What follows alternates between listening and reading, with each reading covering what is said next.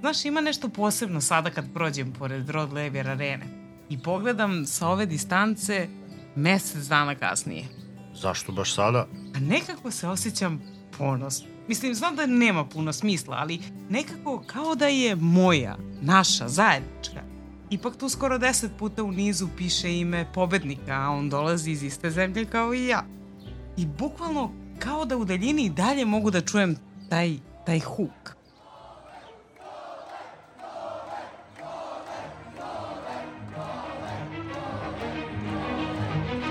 hold back the damn wall. to extend the history that he's created at Melbourne Park. Championship point. Djokovic down the tee. Forehand from Tsitsipas is deep. Working now to the backhand of Tsitsipas. Backhand to backhand, both players.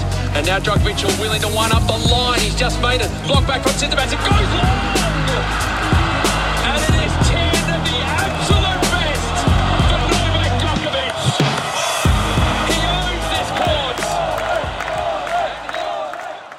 I kako je bilo na kraju? Naravno da se slavilo uz trubač. Zapravo, čitavu noć je Melbourneom odzvanjala jedna nama dobro poznata melodija. Kako ste doživjeli ovu pobedu? Fenomenalno! Broj 10, nema ništa više da se kaže.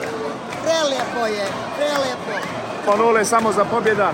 Idemo dalje, opet repriza. Stvarno smo se iznenali da je tako brzo pobjedio, da je tako lako pobjedio.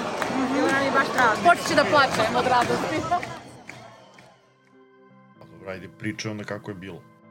Slavila se Novakova 22. Grand Slam titula, konačno ta deseta u Melbourneu, sa toliko emocija. Ni sama ne znam koliko sam ljudi videla u suzama. Bilo je baš nekako dirljivo i lepo videti ljude iz čitave bivše Jugoslavije tako ponosne i tako važne. Kao da je Novakova pobeda bila nekako zajednička. Osjećam se kao da je pravda pobedila. Jedna od najlepših priča sportskih ikada. Čovek ima neke mentalne i emotivne rezerve koje nisu dostupne e, nama smrtnicima. On je postao bez dileme najveći sportista Balkana svih vremena. Možda je to jedan od razloga zašto je i na ovom turniru, na terenu i van njega bilo bukvalno svega. Ti kreiraš svoju sudbinu i svoju realnost, tako da ja nisam stvarno puno vremena uopšte posvećivao spekulacijama ili bilo čime vezano i za povredu i za oca i za ovo sve što se dešavalo. Trudio sam se da budem u svom nekom filmu, u svom svetu i to mi je dalo rezultat. A taj rezultat nas je izgleda sve smrvio emotivno. Sa Novakom je plakalo bar pola Srbije i pune tribine Rod Laver arene. Kao da ljude boli ta nepravda, posebno kada su na meti najbolji među nama, a Novak na terenu to zaista jest. Kako se navija za Novaka? Svi te vole! Ja sam Jovana Jovančić, a ovo je priča o tome šta se događalo iza teniskih terena tokom jednog vrlo važnog turnira. Ovo je priča o utiscima, činjenicama, spekulacijama, navijačima. Ma ona je to divno opisala. Koja ona? Ona. Ljubica Gojgić, novinarka. I ona kaže ovo je priča o tome kako je pravda pobedila. Eto, to je ona jedna u današnjem svetu naivno neko, naivno verovanje da pravda pobeđuje i eto, to verovanje se sada i materializovalo. A, taj trenutak kada Novak Đoković pobeđuje u poslednjem u poslednjem u finalu, a, to je za mnogi od nas izgleda, nisam u tome a, usamljena bila a, pred očima nam se odvija taj trenutak kada eto imam priliku da kako izgleda kada pravda pobeđuje. Željko Vučković, urednik sportske rubrike agencije Tanjug. Željko je sportski novinar već decenijama, pa nije ni čudo što jako dobro poznaje Novaka Đokovića. Kad prođe neko vreme i kad budemo gledali sa distance Novakova deseta uh, titula u Melbourneu će biti nešto posebno o kojoj će se možda snimati i neki filmovi i on je sam na kraju rekao da mu je to jedna od uh, najdržih titula. Ali da krenemo od početka, od 1. januara. Ja se beše tada zvanično saznalo da je Novak u Australiji. Tako je, na svim naslovnim stranama, novinama, portalima bila je izjava Krega Tajlija da Novak ne samo da je stigao u Australiju, već da je na putu ka Adelaide. Čini mi se nije bilo nikakvih negativnih reakcija ovdje. Ma ništa, nije bilo nikakvih reakcija, negodovanja, problema.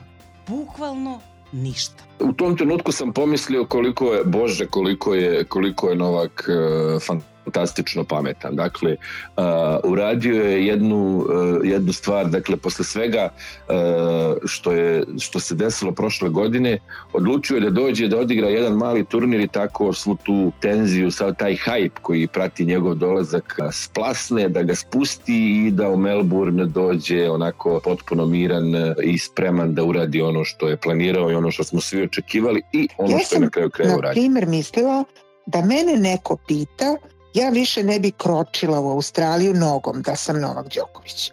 Mislim da je on igrač i fenomen koji je nadrastao Australian Open i mislim da njegovo neigranje na Australian Openu bi bila veća šteta za turnir nego za njega.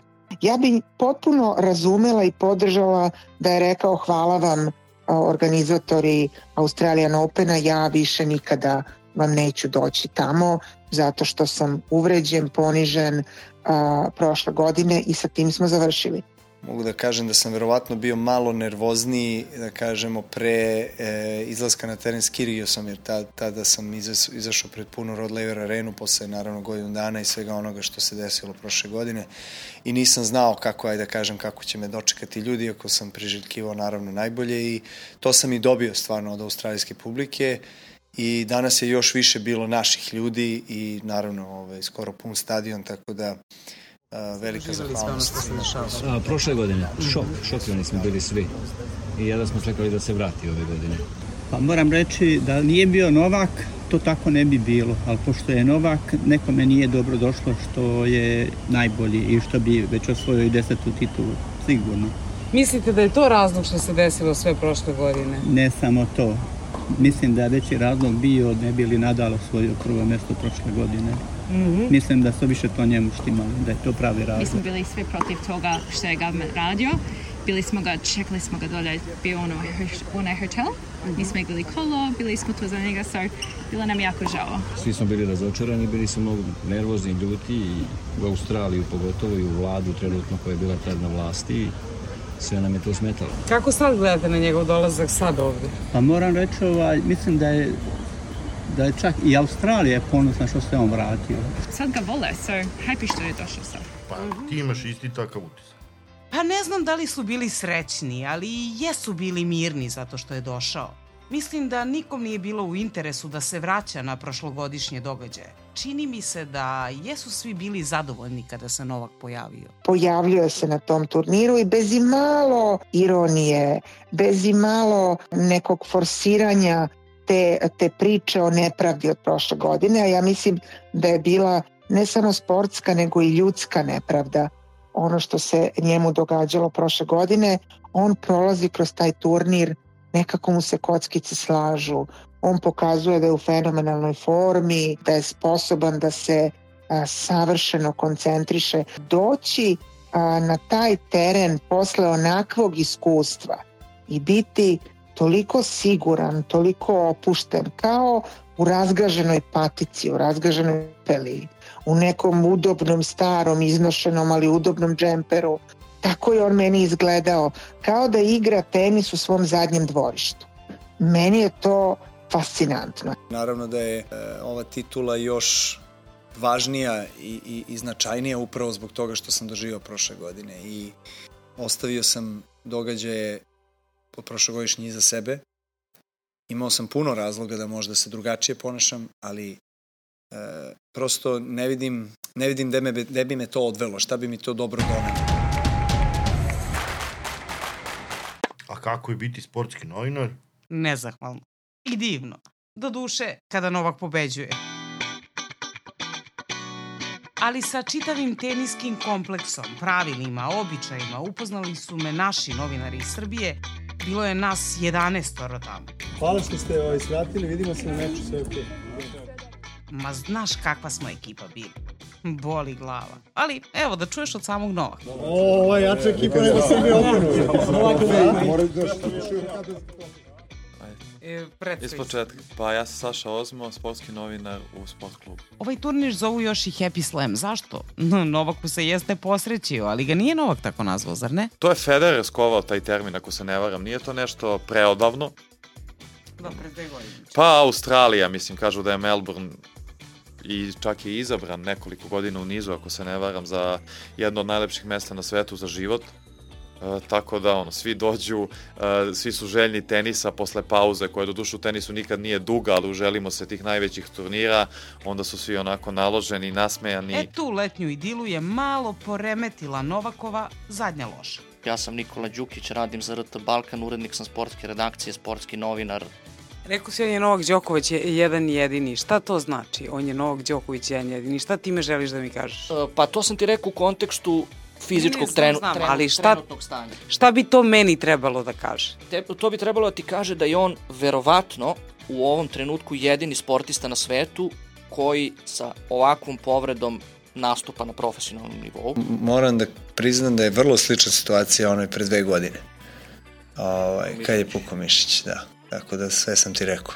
tenis je takav sport gde e, možeš, e, možeš da pomeraš e, granice bola, zadnja loža je takva povreda, s njom može da se igra, inekcije pomažu, terapije su učinile svoje, nije trenirao, dakle igrao je na svežinu, e, bukvalno je sve sve izrizikovao i na kraju je dobio. Jednostavno, njegov karakter mu nije dozvolio da se povuče. To je isti onaj karakter koji e, e, mu nije dozvolio da se povuče prošle godine kad su mu rekli ne može, kad je ušao u sudsku borbu sa Australijom, e sad je taj karakter ušao u borbu sa e, njegovom zadnjom ložom, e, rekavši ok, boli me, ali e, pokušat ću da te pobjedim i na kraju je pobedio, mislim da je finale čak igrao bez, bez onog bandaža, dobrim delom zahvaljujući e, terapijama i Marijani. Pa to stvarno bilo toliko ozbiljno. Znaš šta, ja stvarno ne znam istorijat Novakovih povreda, ali kad sam videla kolege koliko su zabrinute, ja sam bila u fazonu biće dobro ako ovaj do kraja turnira ostane s dve noge.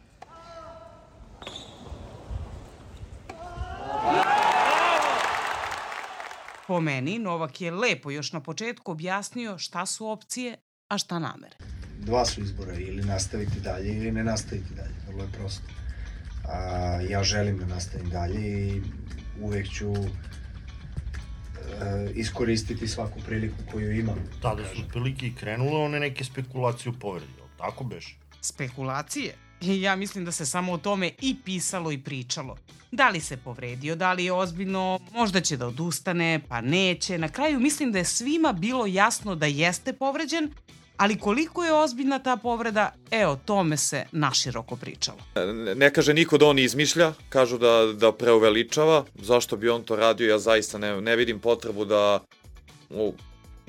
mislim, pogotovo je bilo nebulozno ono pre dve godine, on se povredio, mislim i sada su on u Adelaidu povredio u toku meča, on se povredio protiv Frica kad je vodio 2-0 u setovima početkom trećeg, znači samo Ali ne, šta može da bude motiv? Znači, okej, evo, zašto? nema motiva zato što to jednostavno nije istina koji sportista je lud da simulira, mislim, meni je to nesuvisla priča, ja ne volim takve priče ni kad je Nadal u pitanju. Nema veze sad što govorimo o Novaku, ima i onih, kod nas ćeš vidjeti koji osporavaju jeste kao Nadal je povređen. Sumljaju samo oni koji ga ne poznaju i oni koji ga ne vole.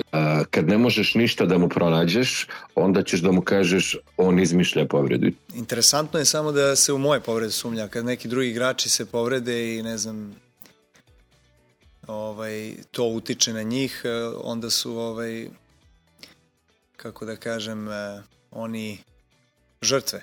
A ja sam e, igrač koji ovaj, e, se pretvara. Zaista mislim da se u nekim tekstovima a, ta blagorečeno netrpeljivost ne može sakriti i da njihovi autori prosto a, ne pokušavaju to da sakriju. Upadljivo je da kad Novak Đoković pobedi da se kaže pa jeste on pobeđio ali nikada ga neće voleti kao Federera, nikada ga neće poštovati. Zašto je potrebno da se kaže on je osvojio Australian Open, ali nije, po, da nije pobio rekord nečiji. Njegovi uspesi se uvek nikad ne završavaju pobedio je tačka, nego je pobedio tačka, ali Mi imamo situaciju uh, sa Nadalom prošle godine na Roland Garrosu.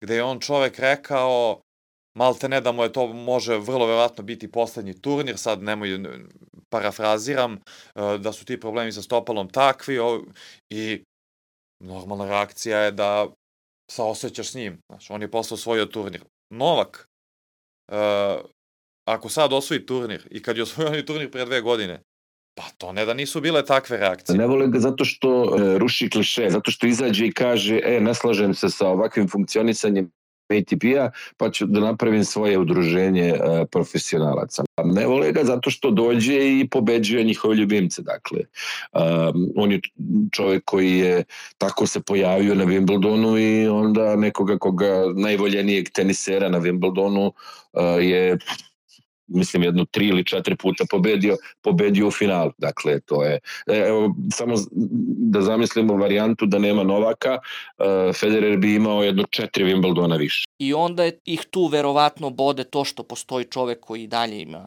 znači ima 35 godina i dalje igra na vrhunskom nivou, u kakvom god stanju da dođe na turnir postaje glavni je favorit, šta god da se dešava na turniru, on ostaje glavni favorit, iz razloga što vam možda konstantno i iznova dokazuje da vi negde grešite ili da ste pogrešili u proceni ili da možda ne radite taj svoj posao na način na koji mislite da ga radite i kvalitativno, a negde i ono subjektivno, objektivno. Šta mislite, zašto strani mediji imaju utisak da on preuveličava povredu koju ima? Zato što su ljubomorni njegov uspeh.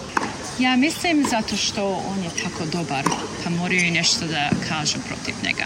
Znaš, ovde, znaš, u Australiju, particularly ovde u Melbourneu, narod puno voli obožava Nadala i obožava je Federa i zbog njih oni možda nisu njega toliko volili i sad tražu nešto, znaš. Da, da nije Đoković u pitanju, drugačije bi se pričalo. Recimo, što se tiče drugih igrača, reći da imenu kojih, kada se izgubi meč, onda je u stvari povreda ta koja je uzrok te te izgubljene partije. Znači nije se pričalo o povredi, nego sve dok se ne izgubi. Imaju kompleks. Ja mislim da Australija ima kompleks Novak. Mm -hmm. Ne samo Australija, nego čitav zapad. Pa dobro, zašto bi on stvarno preuveličavao povredu? Vidi, niko neće to da ti kaže otvoreno, ali kao igrači preuveličavaju povredu kada hoće psihološki da utiču na protivnika.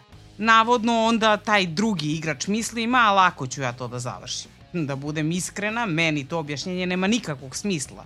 Jer ako si toliko glup da poveruješ da će ti u bilo kojoj varijanti biti lako ili lakše da pobediš najboljeg tenisera, ti onda zaista imaš ozbiljnih problema, mimo tenisa. I šta je tvoj utisak na kraju? Bila si tamo, bili su novinari iz celog sveta, jel ga stvarno ne vole ili je to preterivanje?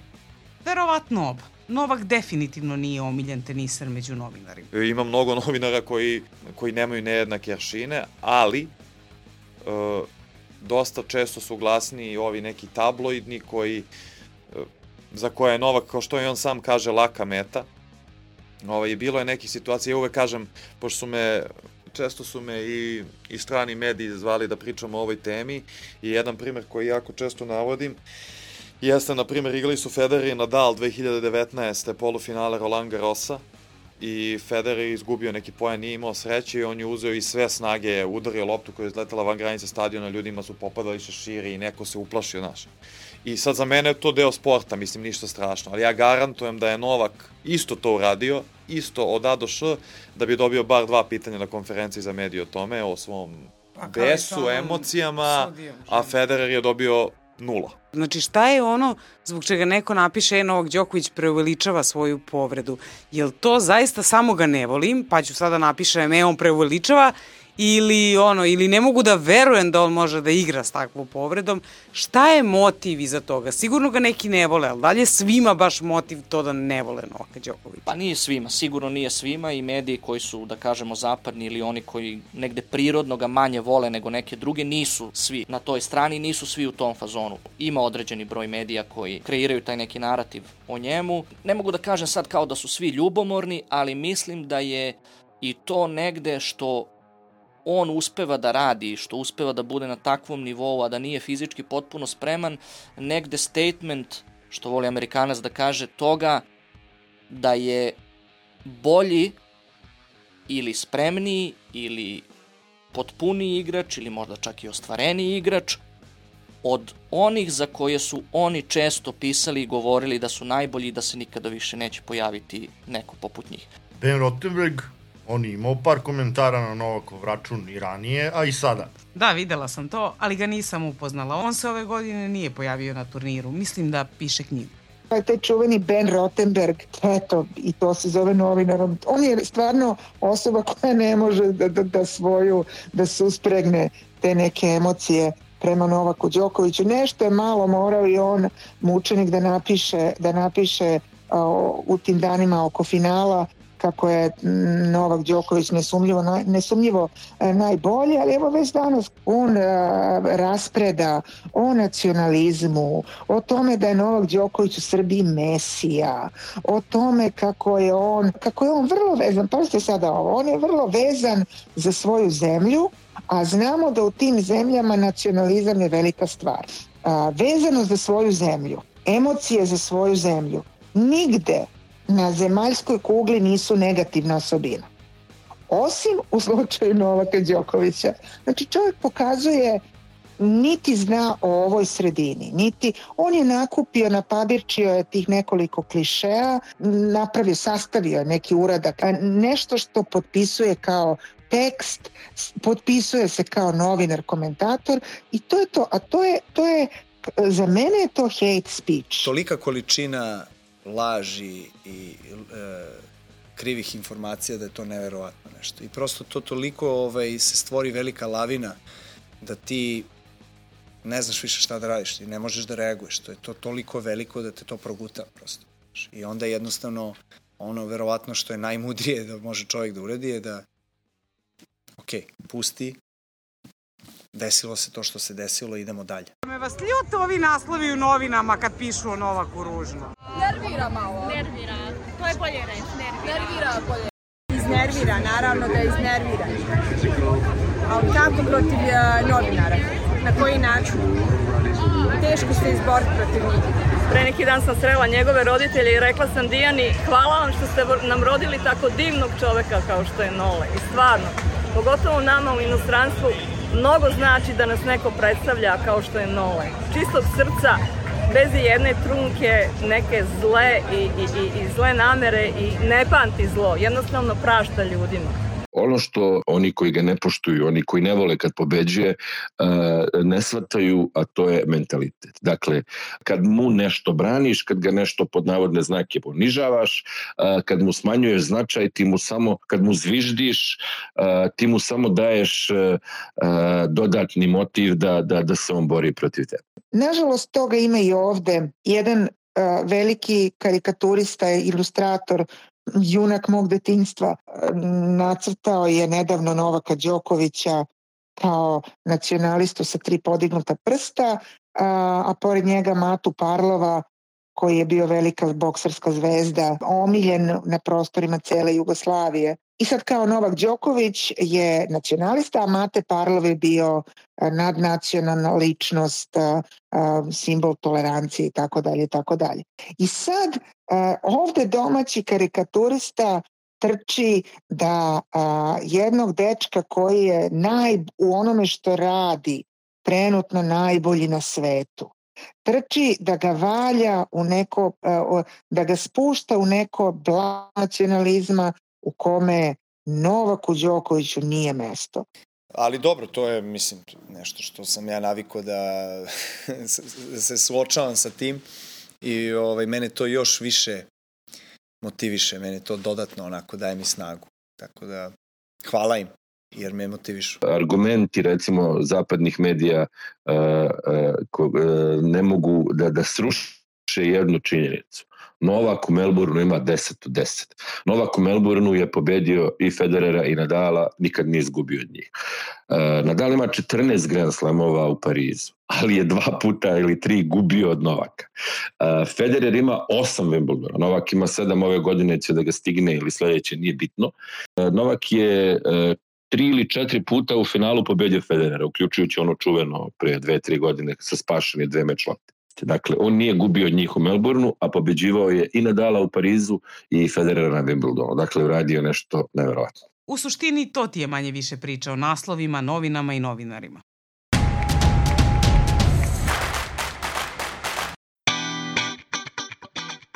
sam tenis, koji meč je bio najbolji? U, pa naravno da sam ja najviše uživala kada je pobedio Australijanca. Taj meč je u nekim trenucima bio bukvalno neprijatan za gledanje. Novak je počistio teren sa ovim učenikom. Neki lokalni novinar je imao komentar u stilu Novak je neljubazno pobedio. Ja se mislim, prijatelju, nije tu bilo ništa neljubazno. Novak ga je u tri seta razvalio. Mislim da mu i dalje nije dobro.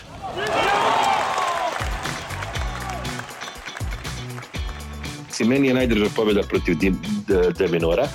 Uh, iz jednostavnog razloga domaći je teniser uh, stekao sam utisak da, da, da je želeo što pre da, da ga pobedi i tu sam nekako najviše uživao. Jedan od najboljih, u stvari najbolji meč ove godine sigurno, jedan od najboljih kada se uzmu sve okolnosti u obzir u njegovoj karijeri. Dugo on nije ovako lepo udarao. Ajde sad, kretanje ne možemo toliko da ocenimo zato što znamo da je povređen, ali jedan od najboljih sigurno meča u njegovoj karijeri. Te povrede su čudljive, naročito za zadnju ložu kažu da, e, da može da ide da bude velika amplituda, da je čas dobro, čas loše. Videla si i njega juče, on je srećan, ali sa ručnom. Jer zna da, da može da ode kako ne treba. E, Greote što se to uopšte desilo, jer mislim da mu se žreb otvorio ovako možda još jednom u karijeri na slemovima, onaj Wimbledon, ne znam, pre koju godinu. I eto, Rubljov, posle jedan od ove dvojice Amerikanaca, ako sve bude kako treba u finalu, verovatno Cicipas. Tako da, ono, do finala stvarno ne pamtim da bi imao komforniji put. Congratulations, Novak Djokovic through to another Australian Open semi-final. Please put your hands together for his opponent this evening, Andre Rublev. Ako se ne varam, neposredno posle tog meča i jeste nastao nesporazum sa Novakovim ocem. Šta se tu u stvari dogodilo? Evo, slušaj snimak. U Moskvi. Živeli! Živela Rusija! Živela! Živeli! Sir. Znači, tu neko kaže živeli, neko se na to živeli kači i dodaje svoje živeli Rusi, ali to nije glas Srđana Đokovića. Po meni, tu se dogodila novinarska greška. Gledao sam taj snimak uh, uh, bukvalno, uh, kao što je Novak rekao, kao pogrešna interpretacija, uh, splet nesrećnih okolnosti, dakle uh, imali smo čak i onu scenu, ja sam gledao taj snimak kad uh, obezbeđenje na Australijan Openu bukvalno proverava u, nekoj knjizi kako izgleda srpska ili ruska zastava. I naravno da, da mi nije prijatno, mislim čovjek sam na kraju kraja od krvi mesa i onda takve stvari me, me onako dotaknu i pogotovo kad mi neko oca na taj način ovaj, dira.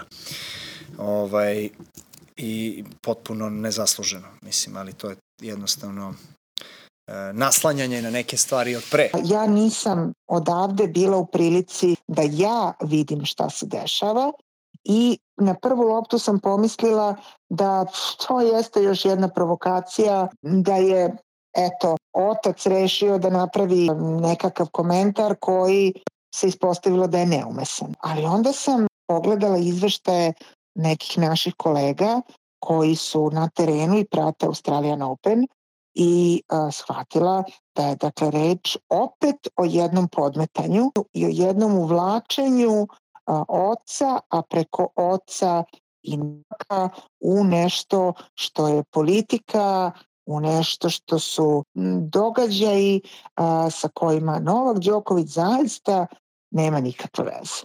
Prosto mi takve situacije isprovociraju da, da u pozitivnom smislu da izvučem iz sebe maksimum u svakom smislu.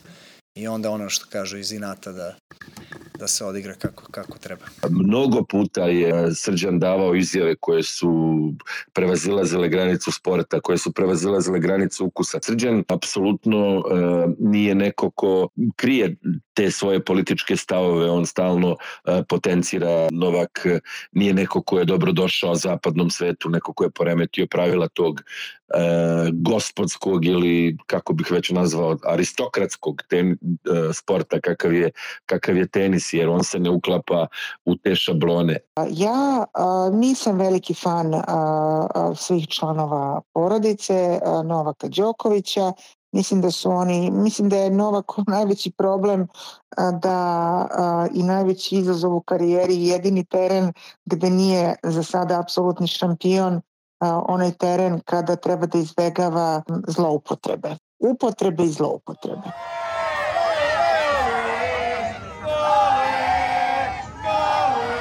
Šta je na tebe baš onako ostavilo utisak? Publika.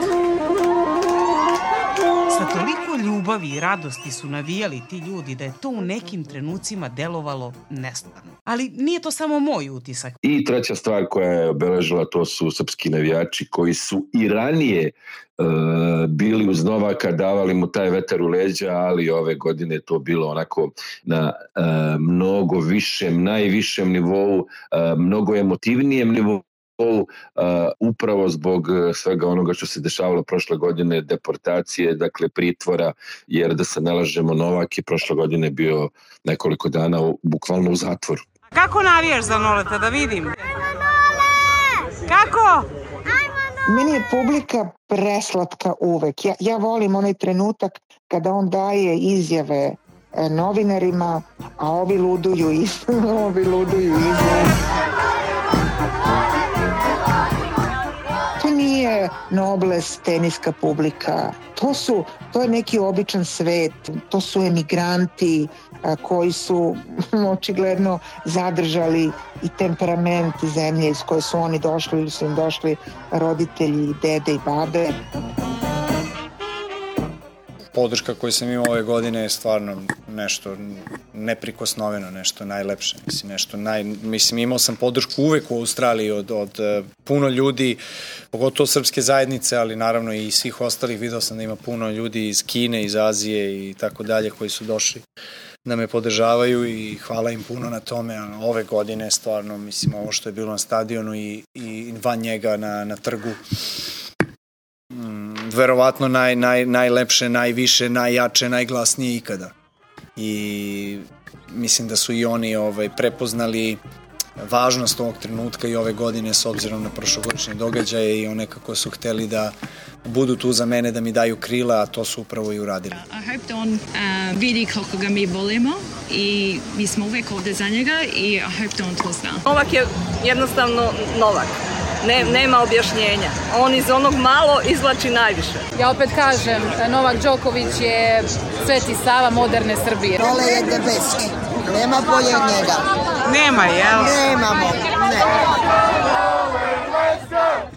Bravo. Bilo kom momentu, makar na trenutak, postojala sumnja da bi Novak mogao da pobedi. Znaš šta, ja sam od prvog trenutka bila ubeđena da će on pobediti. Međutim, kada god pitam druge novinare, oni su bili u fazonu, jao, pa ne znamo, pa vidjet ćemo, moguće. I to je meni bilo baš čudno. Međutim, onda sam saznala za jedno važno pravilo, odnosno instituciju kontra Malera. Znaš ti šta je to? Ne, nemam pojma. E, sad ćeš da čuješ. Hoće osvojiti desetu titulu ili... Pa ja se nadam da hoće, ali mislim ja verujem u kontra Maler u instituciju kontra Malera ceo život, tako da sam ja uzdržan dok se ne desi. Često kada se igra ono kladionica i sve to, vrlo redovno se uplaćuje na protivnika jer onda znaš ako već mora da se gubi, da se gubi na taj način, ali to vrlo često znači da taj baksus kladioničarski znači da ovaj, taj na koga si uplatio pare neće pobediti. Tako smo mic po mic stigli do finala. Šta mislite, šta će da uradi ove godine? Pa ima da odnese cijeli Melbourne, cijelu Australiju. A šta očekujete, koliko će trajati meč, vi na primjer? 20 minuta, 30. Koliko će da... 4 nula. Kako? 4 nula. I očekivano finale se igralo sa Cicipasom. Ja na ovo gledam bukvalno kako ga kažem, kao neki presudan moment, mislim, kao možda za, zadnje finale, mislim, iako znam da, verujem da neće biti, ali tako pristupam, jer daću sve od sebe, bukvalno sve od sebe da, da osvojim još jednu. And he's just made it. Block back from Sinterbats. It goes long! And it is 10 at the absolute best for Novak Djokovic. To je dakle prva i najvažnija priča, jedna od najlepših priča sportskih ikada, uh, kad prođe neko vreme i kad budemo gledali sa distance Novakova deseta uh, titula u Melbourneu će biti nešto posebno o kojoj će se možda snimati neki filmovi i on je sam na kraju rekao da mu je to jedna od uh, najdržih titula. Trenutak kada je osvojio trofej, ali ne onaj kada je podigao, nego onaj kada je pustio trofej, a otišao u svoj boks. Kakav ti je to utisak ostavilo? pretpostavljam da, da je tu ono što se skupljalo, uh, skupljalo godinu dana i kad čovek to vidi kako se nekako slomio na tim, na tim tribinama, onda pomisli, bože, sa čim se sve, znači sve ovo što se nije videlo, što ja kažem kako je prošao uh, lako, lepo, udobno, uh, to je sve tako izgledalo, ali se neka oluja uh, u njegovoj glavi naravno uh, i srcu naravno dešavala i, ovaj, i, i to je bio jedan trenutak isto unikatan ali ja ne volim da vidim Novaka Đokovića suzama. A je li to svima bila njegova najznačajnija pobjeda? Je zanimljivo, ali nije.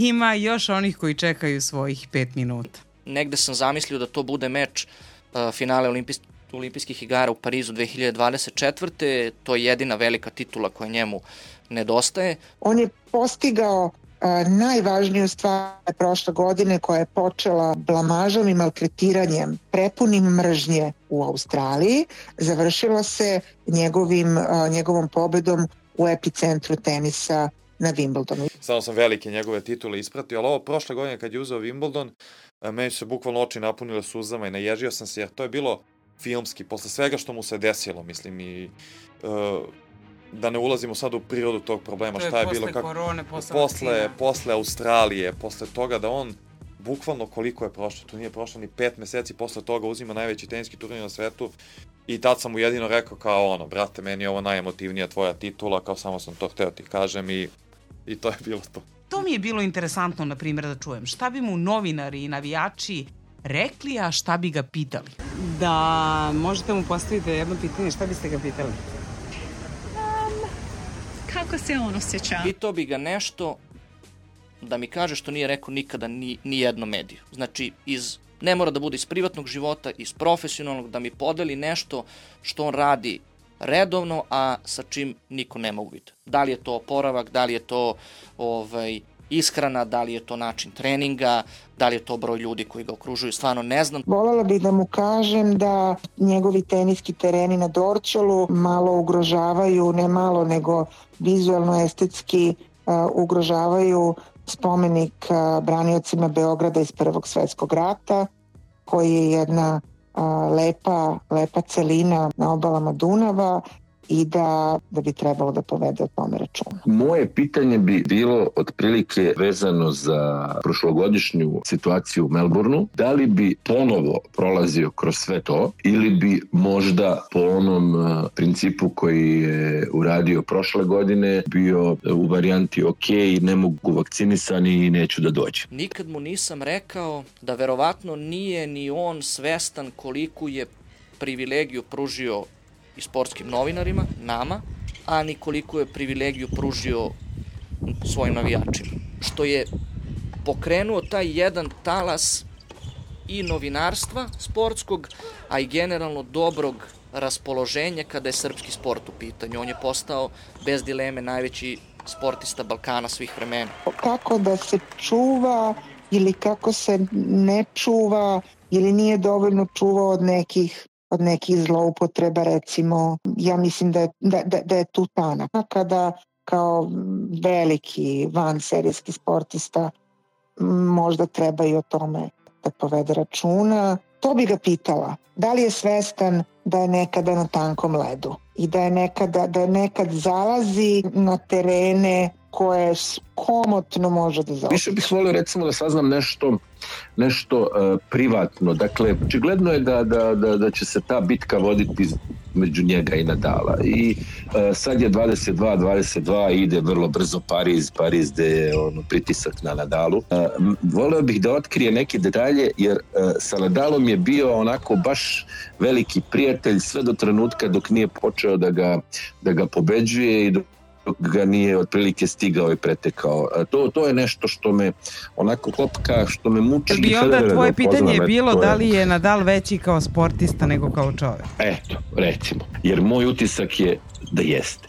Moj utisak je da je veći sportista nego čovjek, jer onog trenutka kad je, kad je Novak počeo da ga pobeđuje, malo je, to je uticalo malo, malo na, na prijateljstvo. Zanima me šta ga vuče, šta ga vuče dalje, šta je, koji je, koji je cilj. Šta bi voleo da vidiš u dokumentarcu uh, koji radi? Šta je nešto što bi rekao, e, ovo sam želeo da znam o novo? Voleo bih da vidim koliko sati dnevno trenira. Kako se nosiš sa činjenicom da više nisi onaj mali nole, Voleo bih da vidim kako izgleda njegova mentalna priprema pre najvažnijih mečeva. Mislim da je ona sada mnogo drugačija nego na početku karijere, ali bih voleo da vidim tu mentalnu pripremu sa početka karijere. To je nemoguće videti jer tada nije snimano. kako se nosi sa činjenicom da dolaze igrači 10 godina mlađe od njega. A šta biste mu rekli, evo da sad stojite pored njega? Vi... Samo opušteno nule. Kada neko kaže Novak Đoković, prve tri stvari koje ti padnu na pamet, kratko.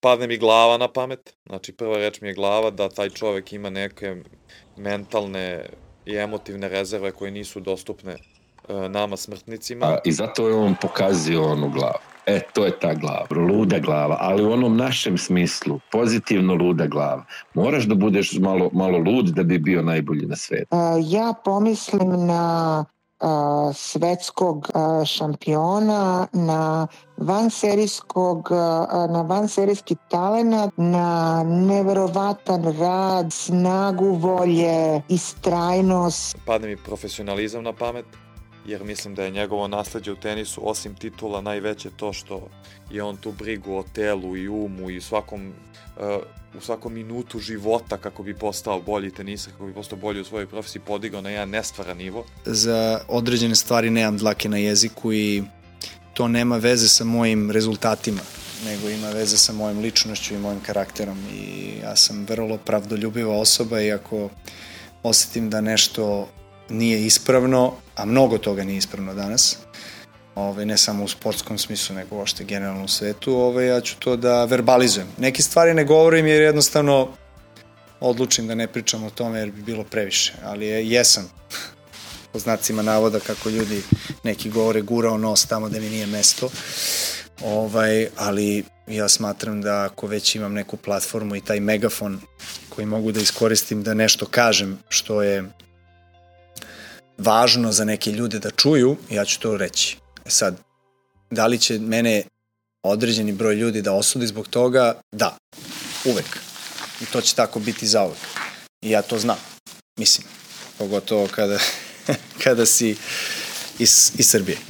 I to je, ima neku svoju dodatnu konotaciju u celoj priči. Suština netrpeljivosti koju e, deo zapadnih medija pokazuje prema, prema Novaku Đokoviću upravo u tome onome što je on pomenuo u tom govoru kad je rekao kada dolazite iz malih sredina nemojte da se ustručavate da sanjate velike, velike snove. Može jedan e, Srbin i jedan Grk mogu da se nađu u finalu Australian Opena, e, zašto ne? Kao što jedan dečko iz Beograda može da osvoji uh, Wimbledon, uh, Roland Garros, US Open. Sa Novakom Đokovićem možete da budete saglasni ili da imate potpuno drugačije stavove. Možete da ga volite, da ga ne volite, da mu se divite ili da ga osporavate. Realno možete bilo šta, osim da osporite činjenicu da će se u istoriji tenisa verovatno zauvek najviše ponavljati ime baš Novaka Đokovića. Ili što bi ona rekla, on je Na najbolji mogući način završio priču a, vrativši sa kamatom i sada već zaboravljenom kako se zvao onaj Morrison Scott Morrison. Scott. premijer da, da, pa evo recimo vidite kako je to jedan divan trenutak za 10 godina i 20 godina koliko će se ljudi za 20 godina sećati Scotta Morrisona verovatno niko jedan čovek koji je pokušao da učari neke političke poene, a koji je e, osim toga e, mislim e, da pripada i ovoj grupi koja je uživala u prilici da se iživljava nad Novakom Đokovićem. Tako je lepo što je taj Morrison već istorija. Odnosno a, ono što, što kažu, kako ona kaže a, fraza, na đubrištu istorije, a što je, a što je a, Novak Đoković apsolutna zvezda a, Melburna bio tih desetak, desetak dana koliko, se, koliko je turnir. Pa mislim, ako to nije pravda, ja mislim da je to najbliže te dete pita šta to znači pravda pobeđa. E, evo, sine ili čerko, da vidiš kako to otprilike izgleda materializovano. E vidiš, zato je ovo priča o tome kako je pravda pobedila. Hm, zanimljivo.